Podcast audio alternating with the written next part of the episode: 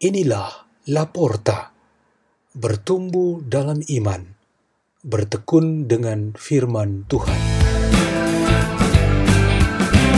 Dibawakan oleh Suster Maria Goretino Goweking dan Suster Delviana Hoarmali dari Biara RVM Keuskupan Agung Kupang.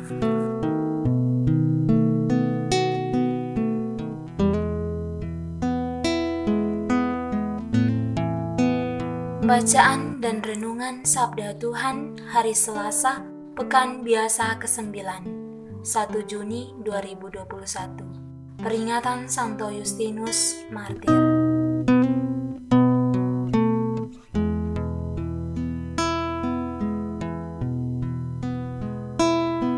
Inilah Injil Tuhan kita Yesus Kristus menurut Markus.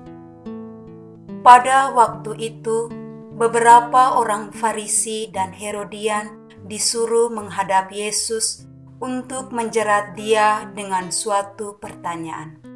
Orang-orang itu datang dan berkata kepadanya, "Guru, kami tahu engkau adalah seorang yang jujur. Engkau tidak takut kepada siapa pun, sebab engkau tidak mencari muka, tetapi dengan jujur mengajar jalan Allah." Nah, bolehkah kita membayar pajak kepada kaisar atau tidak? Tetapi Yesus mengetahui kemunafikan mereka, lalu berkata kepada mereka, "Mengapa kamu mencobai Aku? Tunjukkanlah suatu dinar untuk kulihat." Mereka menunjukkan sekeping dinar. Lalu Yesus bertanya, "Gambar dan tulisan siapakah ini?" Jawab mereka, gambar dan tulisan kaisar. Maka kata Yesus kepada mereka, "Berikanlah kepada kaisar apa yang menjadi hak kaisar, dan kepada Allah apa yang menjadi hak Allah." Mereka sangat heran mendengar Dia. Demikianlah Injil Tuhan.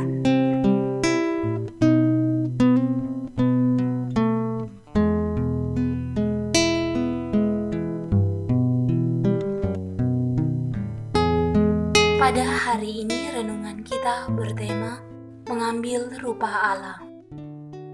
Kita para pengikut Kristus ini seperti koin. Gambaran rupa Allah dicap pada kita pada waktu pembaptisan kita masing-masing. Kita dilekatkan meterai dan terikat mati oleh Roh Kudus melalui sakramen penguatan. Rupa dan meterai itu mempertegas kepada dunia bahwa kita ini milik Allah. Orang kudus seperti Santo Justinus memberikan kita contoh bagaimana hidup sesuai gambar dan rupa Tuhan. Seperti sapi dan kerbau yang ditandai pada tubuh mereka oleh pemiliknya, orang yang melihat koin Romawi akan langsung mengatakan rupa atau pemilik siapa sebenarnya. Pada koin Romawi ditaruh wajah kaisar.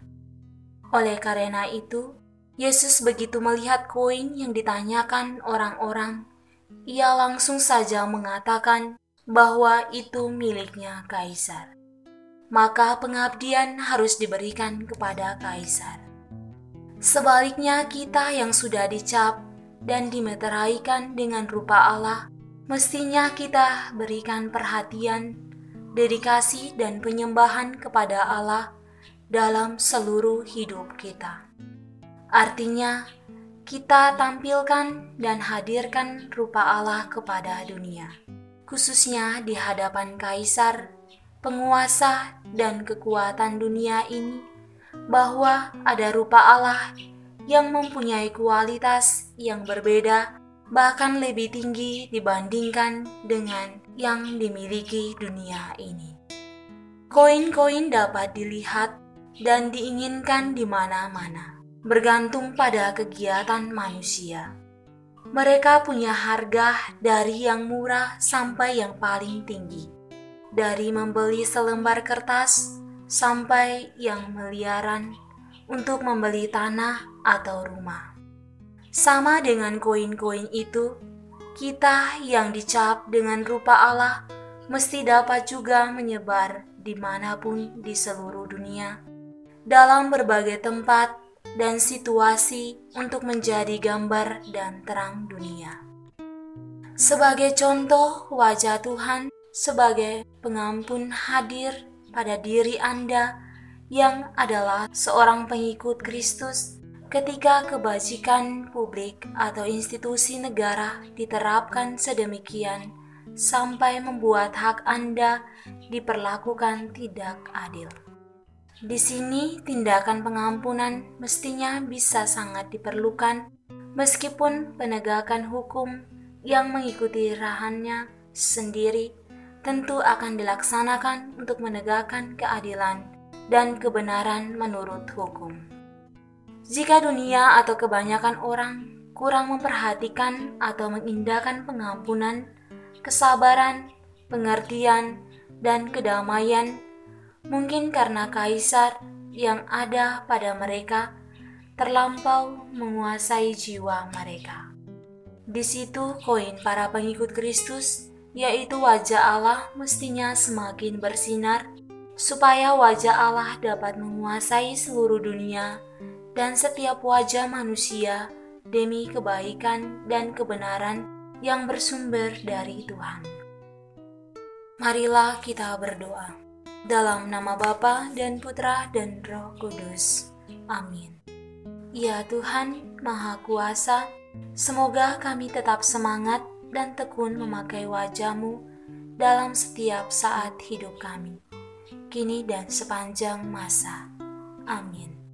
Kemuliaan kepada Bapa dan Putra dan Roh Kudus, seperti pada permulaan, sekarang, selalu, dan sepanjang segala abad. Amin. Dalam nama Bapa dan Putra dan Roh Kudus. Amin. La porta, la porta. la porta.